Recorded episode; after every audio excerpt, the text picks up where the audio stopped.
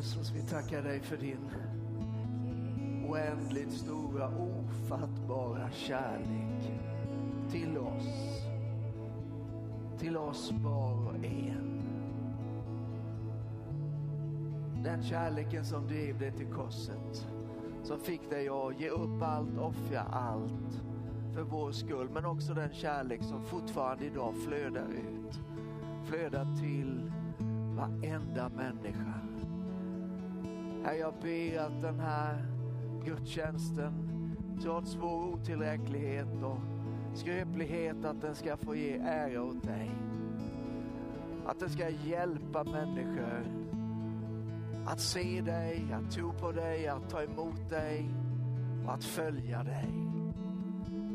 Jag ber Herre att samma underbara härlighet och närvaro av himlen som är här just nu, att det ska vara i varje hem. Att det på något förundligt sätt bara ska flöda ut genom skärmen eller bara sänka sig ner rakt ifrån himlen. Tackar dig Jesus. Ingen har älskat som du. Och vi vet det Herre. Vi vet det därför att du dog för oss medan vi ännu var syndare. Och vi vet det Herre därför att den heliga Ande i våra hjärtan talar om det för oss. Tack heliga Ande att vi en dag, idag kan höra din röst. Tack att du idag vill hjälpa oss. Tack att du vill leda oss in i hela sanningen. Tack att du vill påminna oss Herre. Jesus. Amen. Amen.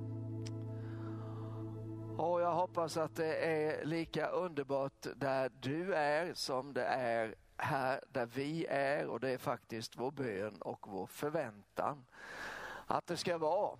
Eh, Gud är så god och vi ska läsa mycket från Guds ord idag men innan vi gör det så vill jag bara säga speciellt till dig som är en del av den här församlingen att vi längtar jättemycket efter dig. Du är inte glömd.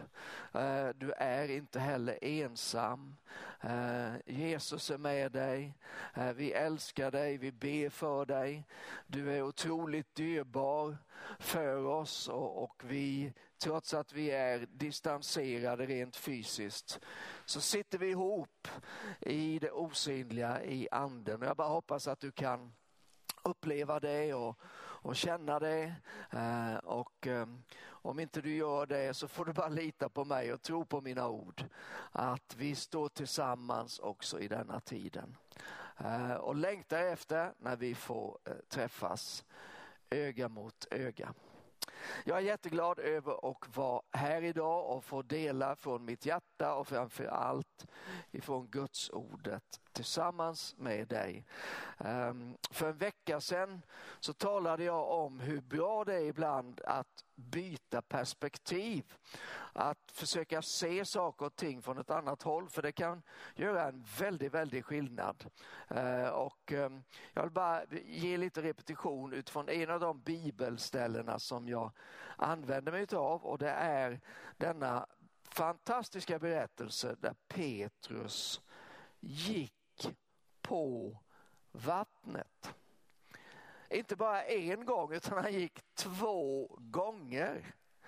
Det är ju helt enastående att faktiskt Peter, vi kan, alltså, jag vet att Jesus gick på vattnet och han gjorde det mer än en gång. Vi ska komma eh, småningom här till ett annat tillfälle när han gjorde det. Men han är ju ändå både människa och Guds son. Men Petrus, en vanlig dödlig, om vi får säga som du och jag, han gick på vattnet två gånger. Ändå verkar det som att det vi mest av allt får med oss ifrån den där berättelsen är att han började sjunka och att Jesus sa att han hade liten tro. Är det inte märkligt? Men om, om vi med Guds hjälp skulle kunna bara Eh, hitta ett annat perspektiv, en annan infallsvinkel på den här historien så är ju det vi talade om då förra söndagen, det var ju det ord som används där, där Jesus sa du har så liten tro, sa han till, till Petrus. Det ordet, det betyder liten. Men det betyder också kort. Det vill säga en, en tro som inte var varaktig.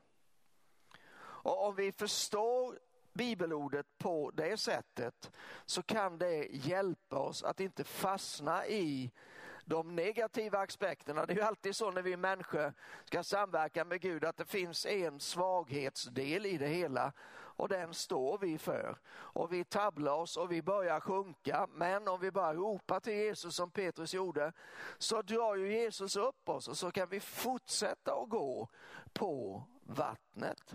Men det finns ju ett annat eh, ett annat sammanhang där samma ord används utav samme Jesus. Så vi tittade också på det förra veckan, jag vill minnas att det är Matteus 17. Och, ehm, eh, där kommer lärjungarna och de har försökt att befria en kille och det gick inte så bra och de kommer och frågar Jesus varför kunde inte vi driva ut denna onda ande? Och då så säger Jesus återigen, ni har så liten tro, eller ni har så lite tro.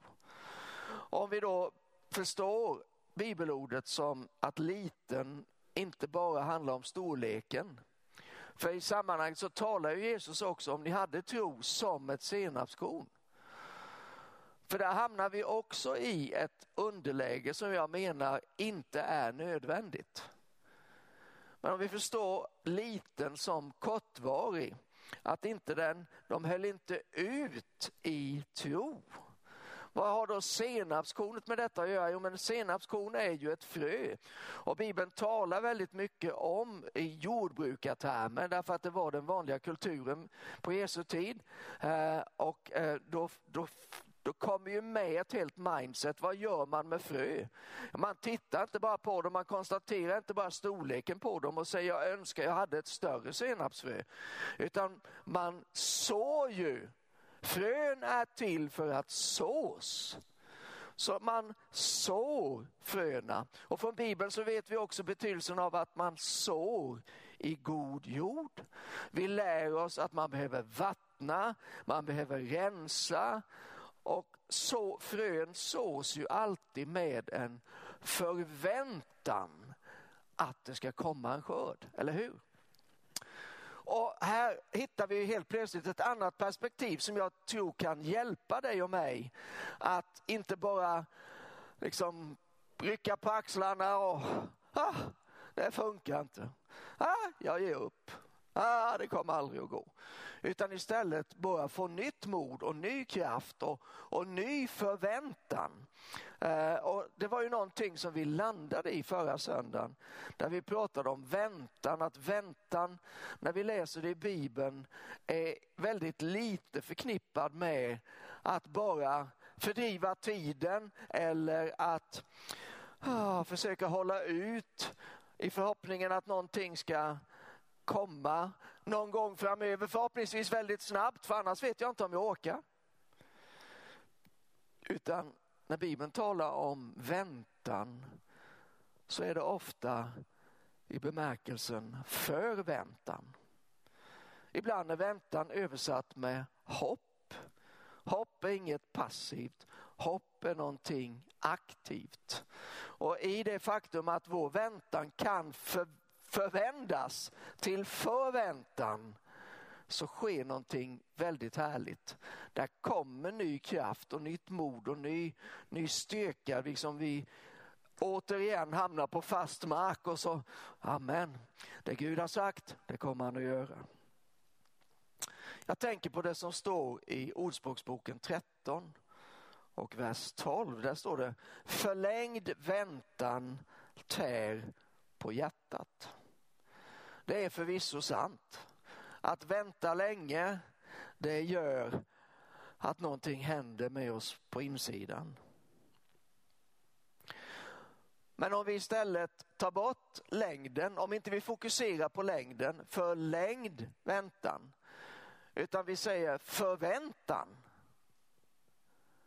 då händer någonting annat med hjärtat. Man kanske skulle kunna säga att förlängd väntan tär på hjärtat, förväntan bär hjärtat eller förväntan ger styrka åt hjärtat. Och helt plötsligt har vi en annan infallsvinkel, ett annat perspektiv som hjälper oss att hålla i och att hålla ut.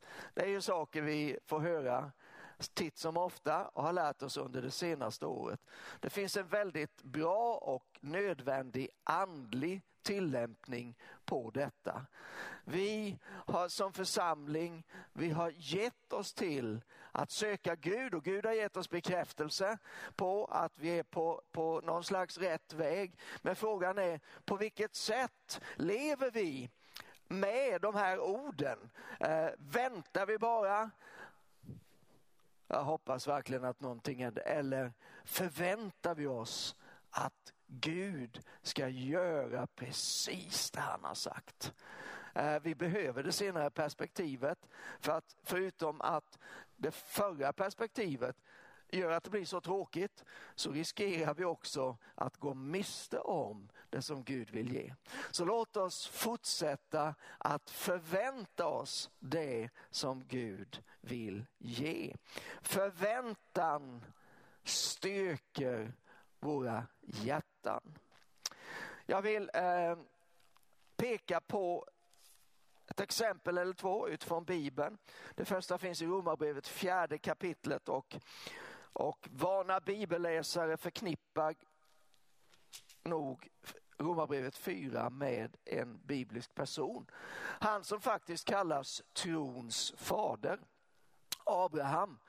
Abraham som fick ett löfte från Gud, som eh, eh fick vänta på löftets uppfyllelse, som själv försökte att fylla upp det där löftet som Gud hade gjort. Men som, som vi ska läsa strax här, också fick se uppfyllelsen av löftet. Jag vill bara dela ett par verser med dig och jag plockar dem faktiskt från en annan översättning. Det är The Message Bible och det är Romarbrevet 4, vers 19 till 21. Så här står det, lyssna, du kan ju inte följa med i Bibeln om inte du har message så att det är bättre att du bara lyssnar. Abraham hakade inte upp sig på sin impotens. Han suckade inte, det är ingen idé. Men den här hundraåriga gamla kroppen kan jag aldrig bli pappa. Och trots att Sara hade varit ofruktsam i decennier så tappade han inte hoppet. Han smög inte runt Guds löften som katten runt het gröt, med en massa avvaktande skeptiska frågor. Han tog ivrigt emot löftet och det gjorde hela skillnaden. Han var mogen för Gud och litade på att Gud skulle hålla sitt ord. Är inte detta underbart? I det mänskliga, i det naturliga så fanns det inget hopp. Men det står ändå att han hoppades i alla fall. Han trodde i alla fall. Och därför så blev löftet en verklighet för honom. Och jag tänker så här, och det är inte de sakerna som jag vill att du ska ta med dig från den här söndagen. Förhoppningsvis tar du med dig alltihop men det är svårt att bara komma ihåg precis allt som den här talträngde predikanten för fram. Men ibland tror jag inte att du och jag behöver nya omständigheter. Vi behöver nya perspektiv. Absolut så är jag för, jag är för att förändra omständigheter. Men, men inte på det sättet att bara vi får andra omständigheter så kommer allting att bli bra. Nej, det är inte det som är grejen. Utan grejen är att vi behöver se på omständigheterna på ett annat sätt. Vi behöver få ett annat perspektiv. Vi behöver faktiskt se på dem som Gud ser på dem.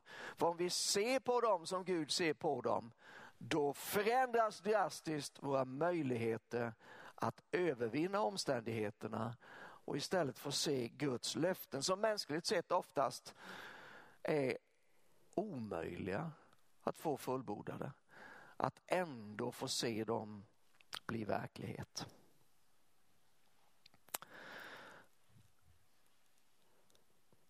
Det är lätt när man fastnar i en situation, där har jag varit, mer än jag skulle önska.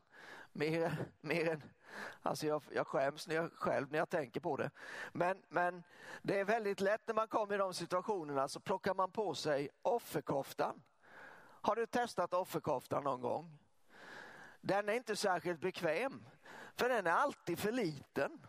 Den är precis som om du har ett ylleplagg och så glömmer du bort att det är ett ylleplagg och så kör du den i 60. Och helt plötsligt när du har kört den i 60 och så öppnar du tvättmaskinen och säger Va? Ja, vi kommer inte ihåg att ungarna hade en sån här ylletröja. Ja, det är för den har krympt. Offerkoftan den är alltid för liten. Alltid för trång. Offerkoftan den klär oss aldrig utan den blir istället ett hinder. Tar man på den lilla offerkoftan så blir man så begränsad. Man kan liksom inte, det finns ingen rörlighet. Finns inte, det blir jättekrångligt. Så ta inte på dig offerkoftan. Även om du känner dig frestad. Vad är, vad är offerkoftan säger du? Offerkoftan det är när vi börjar tycka synd om oss själva. När vi börjar till, ja men livet är orättvist. Vi kanske till och med skyller på Gud. Gud, hur kan du tillåta detta?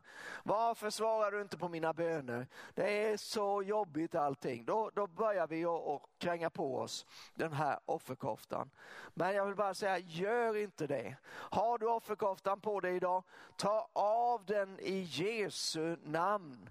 Ingen annan kommer att göra det åt dig, men du kan, oavsett dina omständigheter, så kan du bara börja knäppa upp den just nu och så kan du bara ta av den och du kommer känna direkt känns det mycket bättre.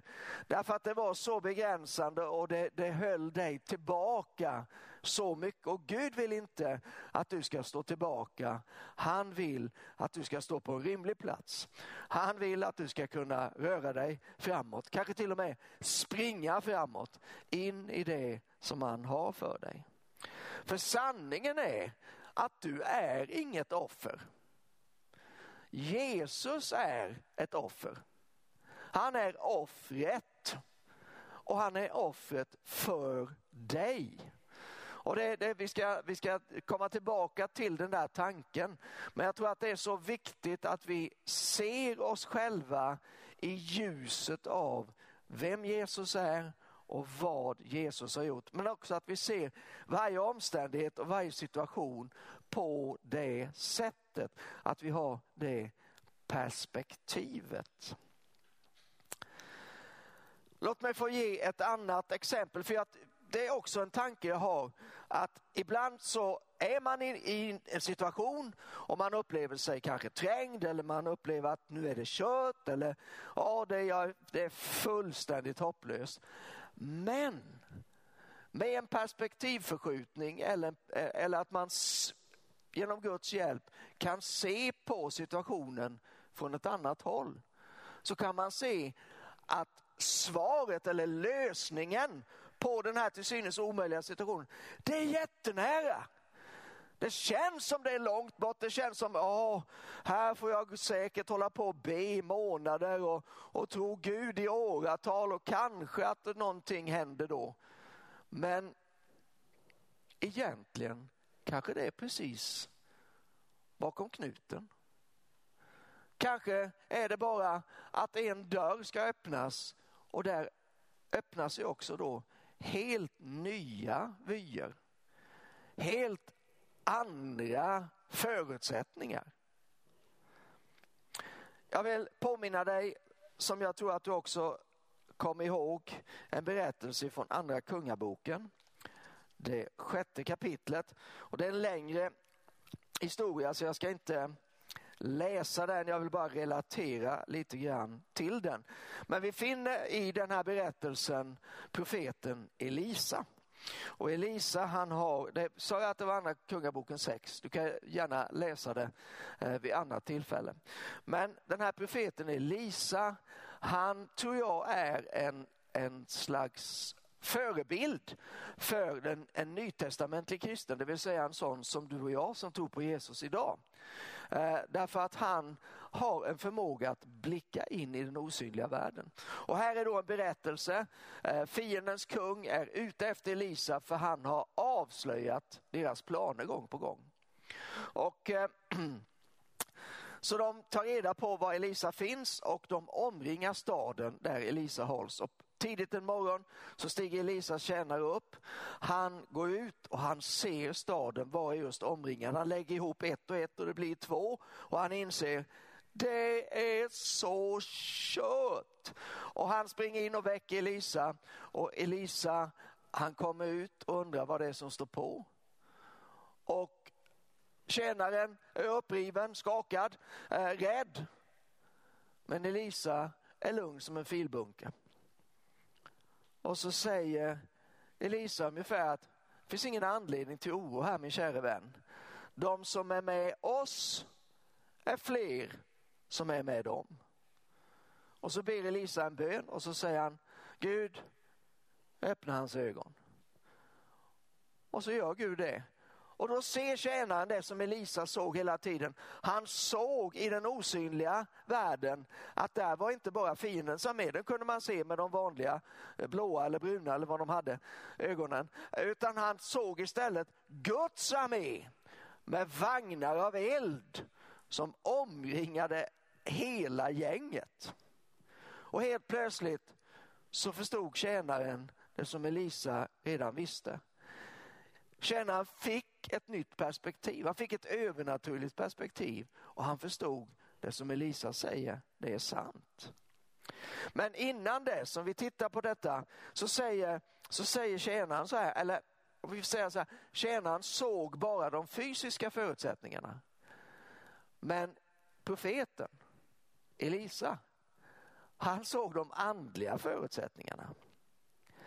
Tjänaren såg bara fienden, men Elisa såg Gud. Och lägg märke till att tjänaren, han bad inget. Och varför bad han inte? För att hans känsla var, nej, ja, det är redan kört, det är ingen idé att be, det är, jag är förlorad. Men Elisa han bad just utifrån att han såg Gud, att han såg de andliga förutsättningarna. Så bad han med en total auktoritet. Tjänaren kände så här, jag är övergiven. Elisa visste, jag är omgiven. Det där ligger ju egentligen ganska nära. Det, jag gillar att leka mod ibland. Idag gillar jag att leka mod. Övergiven eller omgiven. Känslan säger övergiven. Gud säger lita inte på dina känslor. Du är inte övergiven. Du är omgiven. Vadå omgiven av Gud? Omgiven av änglar? Omgiven av en eldsmur? Beskyddad, bevarad eh, eh, i frälsningen. Du är inte övergiven. Du är inte ensam. Du är omgiven, omgiven av Gud själv. Jag vill också ta, oj oj oj, Jesus hjälp oss. Jag vill också ta dig med som jag lovade tidigare till ett annat tillfälle där Jesus går på vatten. Och det är i, i um, han går inte på vatten men han är, han är på vattnet. Så var det. Vi tar den istället. För jag vill hämta det ifrån Matteus det åttonde kapitlet. Det är en storm. Det är det som var eh, connection där. Eh, och jag vill läsa några verser tillsammans med dig, Matteus det åttonde kapitlet och från vers 23.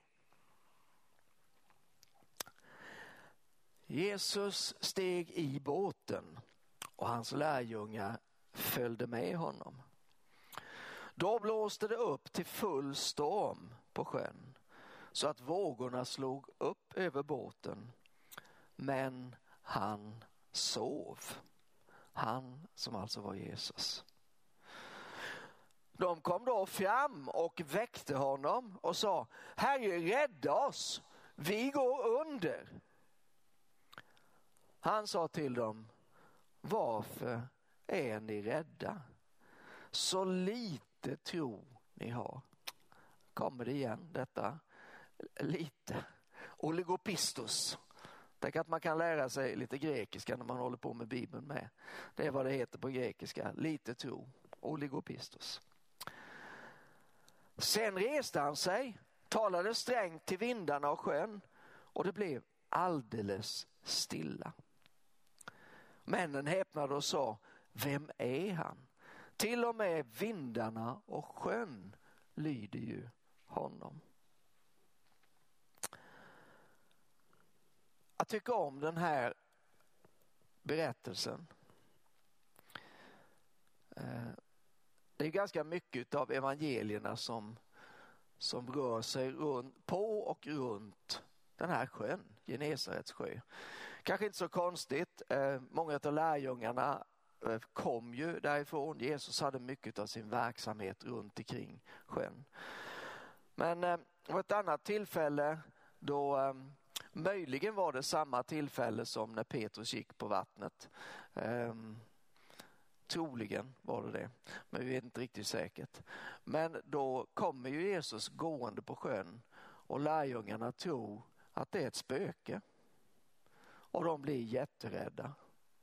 Och det är lite märkligt och eh, alltså om vi försöker tänka oss in där. Hade någon av lärjungarna sett ett spöke? Troligen inte. Men de hade sett Jesus. Det hade de allesammans. Ändå när Jesus kommer och går på sjön så tror de att det är ett spöke. Trots att de inte har någon referens egentligen till det. Förstås hade de väl växt upp och hört spökhistorier precis som du och jag kanske har gjort. Men de behövde få ett annat perspektiv på det hela. Eftersom deras perspektiv var det är omöjligt att gå på vatten så liksom tänkte de bort det, det måste vara en ande, det måste, alltså är det ett spöke, nu är vi illa ute. Fast det var ju Jesus som gick på vattnet. De behövde få ett annat perspektiv. Men nu ska vi se på lärjungarnas perspektiv och Jesu perspektiv i de bibelord som vi precis läste. För det första, de är i samma båt som Jesus. Och jag lärde mig eh, när jag gick i söndagsskolan för tusen år sedan så lärde jag mig att sjunga med Jesus i båten kan jag le mitt i stormen. Fast lärjungarna gjorde ju inte det. De log inte alls. De var jätterädda. Och de talade också om det för Jesus och det fina med Jesus är att det får man göra. Man får säga till Jesus precis som man känner det. Det finns liksom inget, eh, eh, inför varandra så kanske vi skäms för att erkänna vår, vår otillräcklighet eller att vi har gjort fel och så vidare. Men inför Jesus behöver vi aldrig göra det. Vad du än har gjort, hur du än känner det, du får säga det till Jesus. Om inte du tror på mig, läs då kung Davids klagosalmer eller när han utgjuter sitt hjärta inför Gud och säger det är kört och alla är emot mig och det kommer aldrig att gå. Men vanligtvis har han ändå en liten twist på slutet som säger till, men fast du är ju Gud så kanske ändå. Så att man får göra det. Absolut, jag, jag, jag säger inte att jag har sagt någonting annat. Men det är en väldig skillnad på att tala till Jesus och bara beskriva omständigheterna. För att när de, säger, när de kommer till Jesus och väcker honom så säger de Herre rädda oss, vi går under. Då finns det väldigt mycket fruktan i det. På ett sätt väldigt naturligt. Men ändå så ger ju Jesus dem en slags tillrättavisning där. I det här, eh, i Matteus evangelium, till och med innan han stillar stormen, så tillrättavisar han dem. Så hur ska vi förstå det här? Hur ska vi jag tänker så här. Det är alltid rätt att gå till Jesus. Nummer ett. Nummer två. Man får alltid säga till Jesus precis som det är. Men jag skulle vilja lägga till, det är så underbart att förstå att Jesus har all makt i himlen och på jorden. Jag kan ju vara lite kaxigare idag som har svart på vitt från Bibeln och 2000 år emellan där. Men, men samtidigt måste vi känna med lärjungarna. De lär sig någonting som ingen har hört talas om eller vetat om tidigare. De får lära sig det för vår skull, men vad kan vi då lära oss utav det? Ja, jag tänker att återigen har vi en sån här, kan vi ta ett annat perspektiv så kan vi se att det finns en nära och fantastisk lösning alldeles bakom knuten. Och vad är det? Jo, men lärjungarna säger, vi går under. Men när Jesus tillrättavisar dem så får man nästan känslan av att han skulle vilja att de hade sagt någonting annat. Han säger så lite tro ni har och sen ger han dem ett exempel. Han reser sig upp och näpser vinden och sjön och allt blir stilla.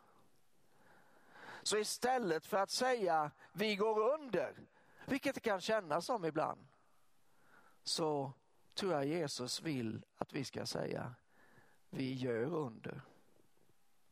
Det är väldigt liten skillnad rent språkligt sett. Men attitydmässigt eller perspektivmässigt så är det en fantastiskt stor skillnad. För vi vet ju, eller hur, att Jesus har gett makt åt dem som följer honom. Han har gett dem makt över orena andar. Han har gett dem makt och auktoritet att eh, bota sjuka. Eh, han har eh, gett dem kraft att väcka upp döda.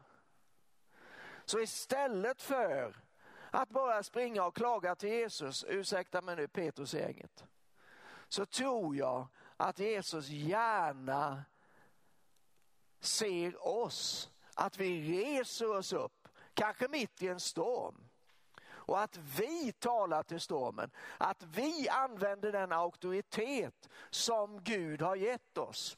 Att vi befaller vågorna att lägga sig ner och bli stilla. Istället för att ropa vi går under. Tänk om vi kunde ha perspektivet av att nu är det vår tur. Nu gör vi någonting underbart tillsammans med Gud.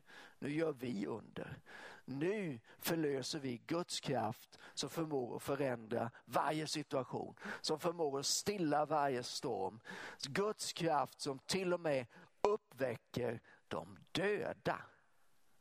Nu är det vår tur att använda den auktoriteten och förlösa den kraften som Gud har ställt till vårt förfogande. Amen.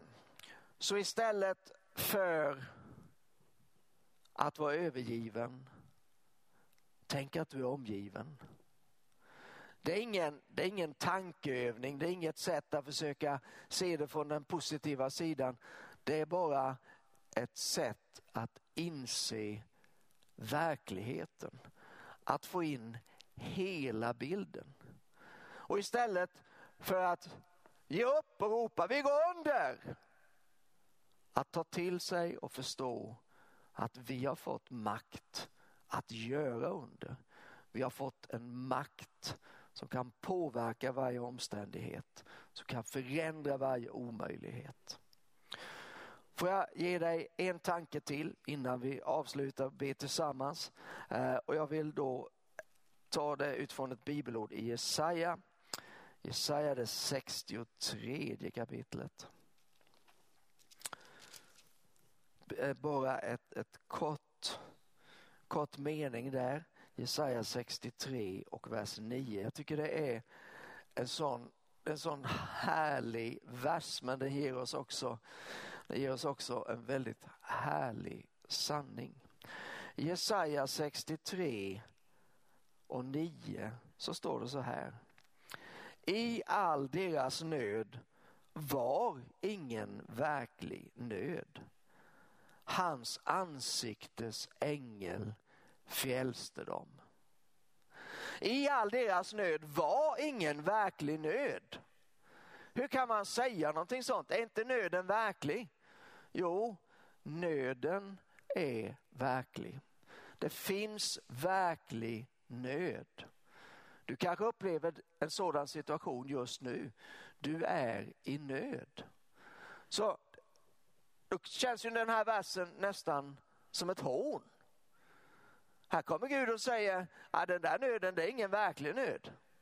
Ja, men du måste förstå det utifrån eh, vad Guds ord säger i, som helhet. Varför var det ingen verklig nöd? Jo, därför att hans ansiktes ängel frälste dem. Så i nöd fanns nåd. I nödens situation så ville Gud verka sin nåd. Nöd kan bli nåd. Vi går inte under, vi gör under. Vi är inte övergivna, vi är omgivna. Är du med på perspektivförändringarna som vi jobbar med den här dagen? En annan bibelöversättning säger i Jesaja 63 och 9. Han skickade inte någon annan för att hjälpa dem. Han gjorde det själv, personligen. Jag ber att, för det, speciellt för dig som upplever nåd, Jonathan ni får gärna komma fram. Eh, eh, för dig som kanske står i en situation av nöd. För dig som kanske upplever dig övergiven. Eller du som håller på att sjunka som Petrus i din trosvandring. Eller för dig som känner som att båten kommer att sjunka och att du håller på att gå under.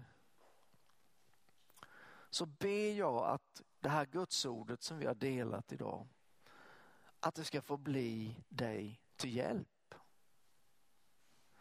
Men jag vill också uppmuntra dig som är med och som ber. Kanske ber för det som vi gör. Vi, vi ropar till Gud om att han ska utgjuta sin ande. Och vi väntar på det, men vi väntar med förväntan. Eh, för att vi, förväntan är nödvändig, annars så sliter vi ut våra hjärtan.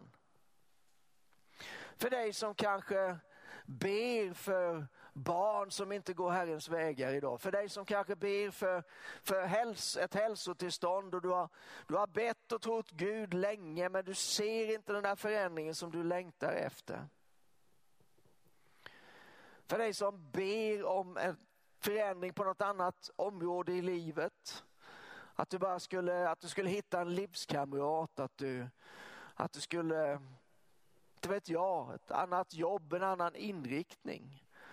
Så bara ber jag att de här orden ska få uppmuntra dig. Att förväntan på nytt ska resa sig upp i dina hjärtan. Att du inte ska räkna dagarna och timmarna och veckorna och åren först och främst. Utan att förväntan liksom bara ska hålla dig och ta dig igenom hur länge det nu än är. Därför att du bara får falla tillbaka på Gud är trofast. Får jag, får jag bara läsa ett par verser ifrån psalm 34 tillsammans med dig också. Psalm 34, bara tre verser, vers 7, 11 och 18. Vers 7 säger så här, här är en plågad som ropade och Herren hörde honom och frälste honom ur all hans nöd. Och vers 11. Unga lä... Den då. Ursäkta mig. Unga lejon lider nöd och hungrar. Men de som söker Herren saknar inget gott. Och vers 18. De rättfärdiga ropar och Herren hör. Han räddar dem ur all deras nöd. I all deras nöd var ingen verklig nöd, för hans ansiktes ängel frälste dem.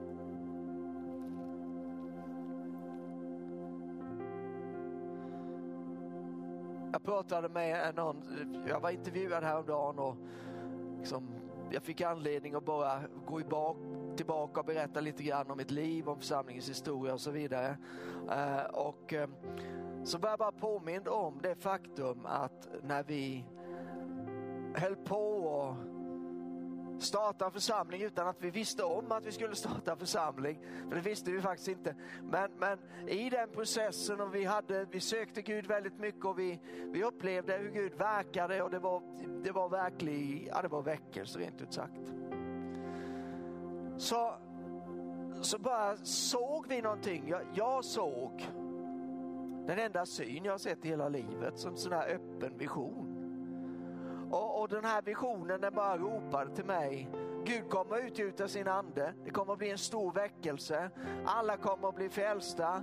Eller eh, ja, typ alla så. Uh, för det är det vi tror. Uh, och sen kommer Jesus att komma tillbaka.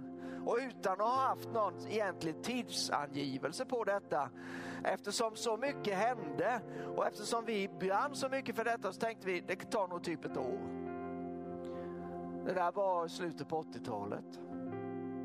Det har inte hänt än. Och när, jag, när jag berättade om detta så tänkte jag, det är väldigt länge. Det är 30, så jag såg den där synen, jag tror att det var årsskiftet 86-87. Ja, jag är så dålig på matte, men det är väldigt länge i alla fall. Och så tänkte jag på de åren som har gått. Jag kunde inte tänka på allt som har hänt för då skulle jag aldrig bli färdig. Men jag kände att ja, det har hänt väldigt mycket fantastiskt. Det har varit en spännande resa. Samtidigt har det varit tunga perioder, väldigt smala passager. Det har varit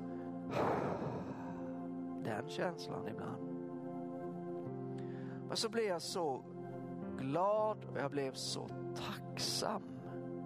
För jag kände det finns fortfarande den här förväntan i mitt hjärta. Det är ingenting som jag kan ta av mig så eh, djupast sett. Men jag, bara, jag bara, tack gode Gud att inte jag har släppt detta. Tack gode Gud att efter alla år så lever det här fortfarande inom mig. Jag har fortfarande en förväntan att Gud ska utgjuta sin ande, att alla människor ska bli frälsta, att Jesus ska komma tillbaka. Jag har inte bara blivit uppgiven ut med vägen. Nej, vi gör något annat istället. Genom Guds nåd så har jag fortfarande samma fokus. Därför att jag fick bara det här förväntansperspektivet. Och det är min bön att det ska få leva lika starkt i dig också. Förväntan på att Gud kommer att göra det han har sagt att han ska göra. Att Gud kommer att verka allt vad han har lovat. För du kommer inte att gå under. Du kommer att göra under. För du är inte övergiven. Du är omgiven. Och i all din nöd så är ytterst sett ingen nöd. För hans ansiktes ängel frälser dig. Jesus är med dig idag. Gud står på din sida idag. Gud själv är garanten för att det han har lovat i sitt ord, i sina tilltal, i profetiska hälsningar och så vidare. Han själv är garanten för att det ska bli en verklighet. Så därför gör vi som Abraham. Vi tittar inte på vår egen oförmåga eller fruns oförmåga. Det är väl snarare den vi brukar peka på. Men vi tittar inte på det. Utan istället så tittar vi på Gud. Vi lyfter blicken. Du det. Du kommer att göra det. Och så finns det kraft där. I den förväntan så finns kraften som bär oss och som tar oss igenom. Låt oss be tillsammans. Himmelske Fader, Vi tackar dig för den ande av tro som bor i varje kristen människa. Den heliga ande. Vi tackar dig här för ditt ord som vi bara tror ska uppmuntra och uppliva denna ande, denna förväntan Herre. Där det har, har bytts till bara väntan, till bara mänsklig envishet eller lite, lite, vad heter det, lite cynism när det har blivit riktigt illa då. Att vi bara får ta tillbaka Herre, det där som är så härligt, så levande, så friskt. En förväntan på att du ska göra allt du har lovat att göra. Och Herre, jag vill be speciellt för dem som befinner sig i en svår, i en utsatt situation, som kanske har ropat till dig om kroppens hälsa och styrka, men som ännu inte har sett det.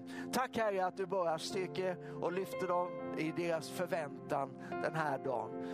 Jag ber särskilt Herre också för dem som ber för nära och kära som inte går på din väg just nu.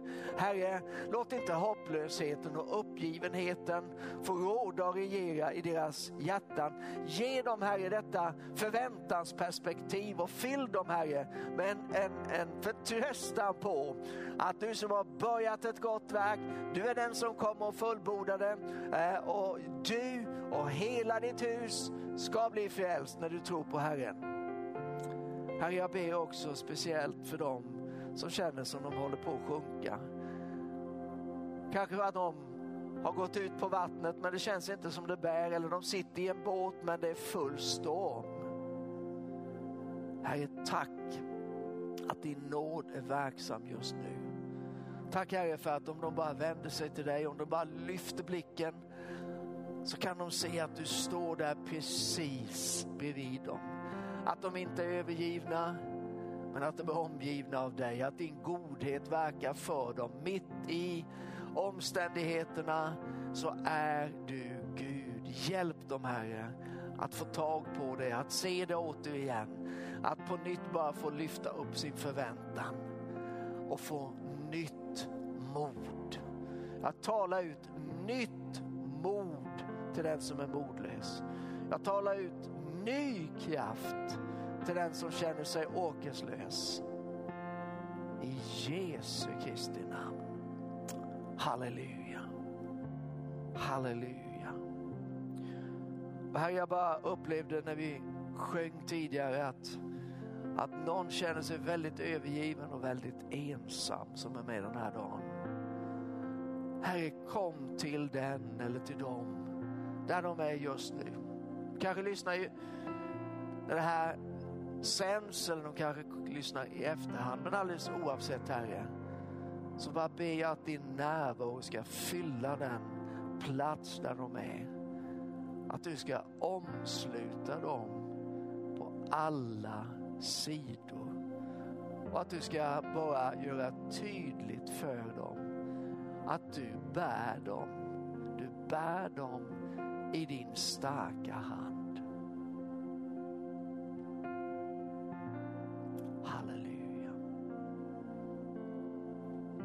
Halleluja.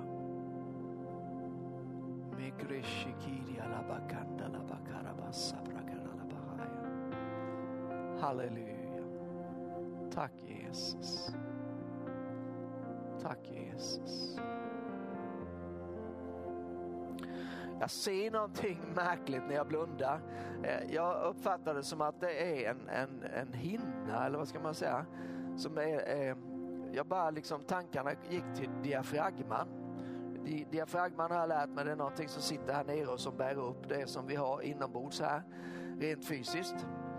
Uh, och, och uh, jag tror att det är någon som har problem med diafragman. Jag vet ju att, att när man hickar så är det diafragman som rycker till så på något vis. Varför är ju en gåta.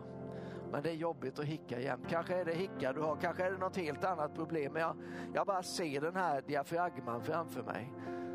Så jag vill bara be för dig som på något vis har problem med diafragman. Om du, om du, eh, eh om du har det, lyft dina händer i förväntan till Herren eh, och bara ta emot just nu. I Jesu namn så bara talar jag läkedom till den här diafragman. Eh, jag tackar dig Herre för att den ska fungera precis som den är tänkt att fungera. Bara tala din frid Herre till diafragman och fullständig hälsa i Jesu Kristi namn. Halleluja. Det är också någon som har problem med en armbåge. Eh, så, så eh, kanske är, inte är så snällt att be dig att lyfta armarna om du har problem med armbågen. Men, men om du har problem med armbågen, en eller båda, så lyft ändå händerna så gott det går och så bara, så bara lyfter du också din förväntan till Gud och så tar du emot. Herre, tack för din kraft. Jag bara ber att din kraft ska röra vid den här armbågen eller armbågarna just nu. Jag förlöser läkedom i Jesu Kristi namn. Jag tackar dig Herre att du är hela människans Gud. Du är ande Gud för vår ande, du är Gud för vår själ men du är också Gud för vår kropp. Jag tackar dig för din frälsning. Det innefattar allt mänskligt liv. Det inte bara räddar vår, vår ande och föder oss på nytt, det ger sunt sinne åt oss men det ger också läkedom för vår kropp. Och jag bara förlöser den läkedomen just nu. I namnet Jesus. I namnet Jesus. Och i Jesu namn så talar jag också bara mot migrän. Jag befaller dig migrän, gå i Jesu Kristi namn. Gå i Jesu Kristi namn. På, på, på ena sidan eh, utav ditt huvud som migränen vanligtvis trycker som hårdast.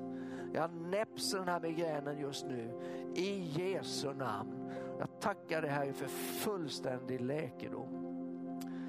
Och jag, jag bryter den där fruktan, den där fruktan som bara dök upp just nu för att det ska komma tillbaka. Du kanske inte hade migrän just nu men du har, det liksom förekommer frekvent i ditt liv och du bara kände hur fruktan kommer. Ja, det vore underbart om jag kunde bli fri men, men det kommer att komma tillbaka. Jag bryter den fruktan nu i Jesu namn. Du är fri från din plåga. Var fri från din plåga. Halleluja. Tack Jesus. Tack Jesus. Halleluja. Tack Jesus. Halleluja. Tack Jesus. Precis. Prisa honom alla länder för hans nåd är väldig.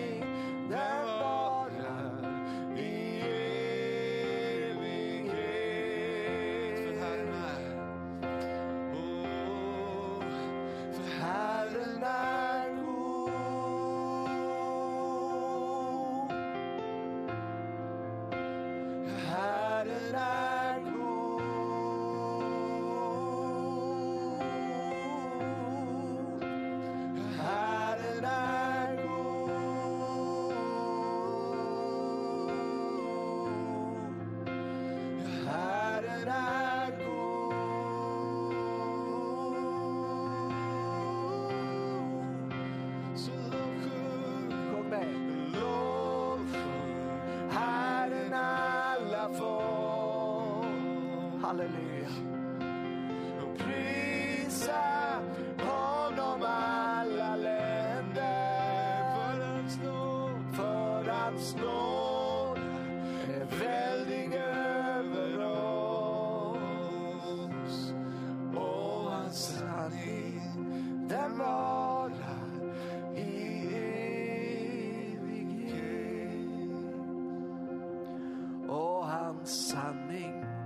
den varar i evighet.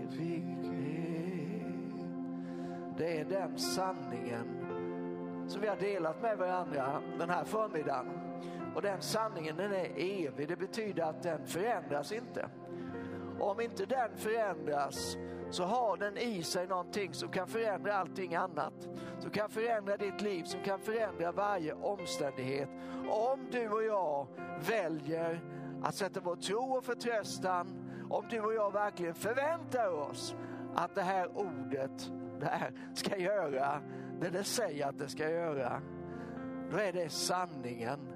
Och det är om den sanningen som Jesus sa, sanningen ska göra er fria. Tack Jesus för en härlig frihet. Tack Jesus för din nåd över var och en utav oss. Halleluja.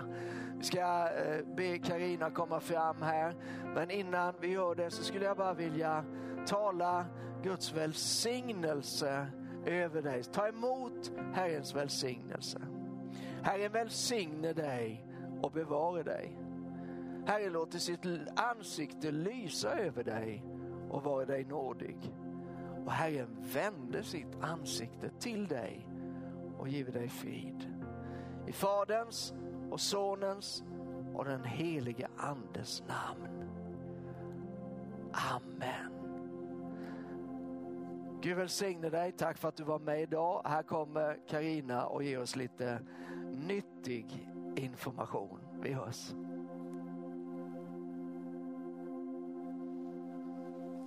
Tack så jättemycket för den här predikan, P.O. Svensson. Underbart. Så underbart att höra att vi inte går under utan vi gör under. Härligt att få ha det här perspektivförändringen. Tack Jesus. Eh, några pålysningar här då och då är det att det är bön på tisdag kväll klockan 19.00 och då går det att anmäla sig för man kan vara åtta stycken och sen kan resten vara med på online då. Och det kommer vara ett bönedygn också framöver den 22-23 maj Eh, 8 till 8 så ber vi ett bönedygn. Och sen så, så ska jag berätta om en tipsrunda som du har möjlighet att gå. Och det är IBH, Internationella barnhjälpen, som finns här i kyrkan, som har tagit initiativ till det här. För det brukar vara så att det arrangeras ett lopp där man då kan eh, springa och så samlas det in pengar till barn som vi stödjer i en slumskola i Indien. Och vi har även tagit ett initiativ nu att stödja barn i Gottfrid Stenros arbete i Tanzania. Och för att få in pengar till de här skolverksamheterna där fattiga barn får utbildning så gör vi sådana här satsningar och i år i form av en tipsrunda. Och hur ska detta gå till för att vara corona-safe? Jo, all sån här detaljinformation om tipsrundan kan du läsa på Facebook. Eh, det kommer vara då att man kan gå den här tipsrundan runt eh, sjön i Sävsjö och en runda i Vriksta. Fina priser finns det och det kostar 100 kronor och pengarna går ju då till IBH. Eh, och det är via en app som man går den här tipsrundan. Och den pågår nu från 13 maj till 13 juni. Så missa inte det tillfället. Eh, tack så jättemycket till alla som har medverkat här idag och tack så jättemycket till dig som har tagit del av gudstjänsten. Var välsignad.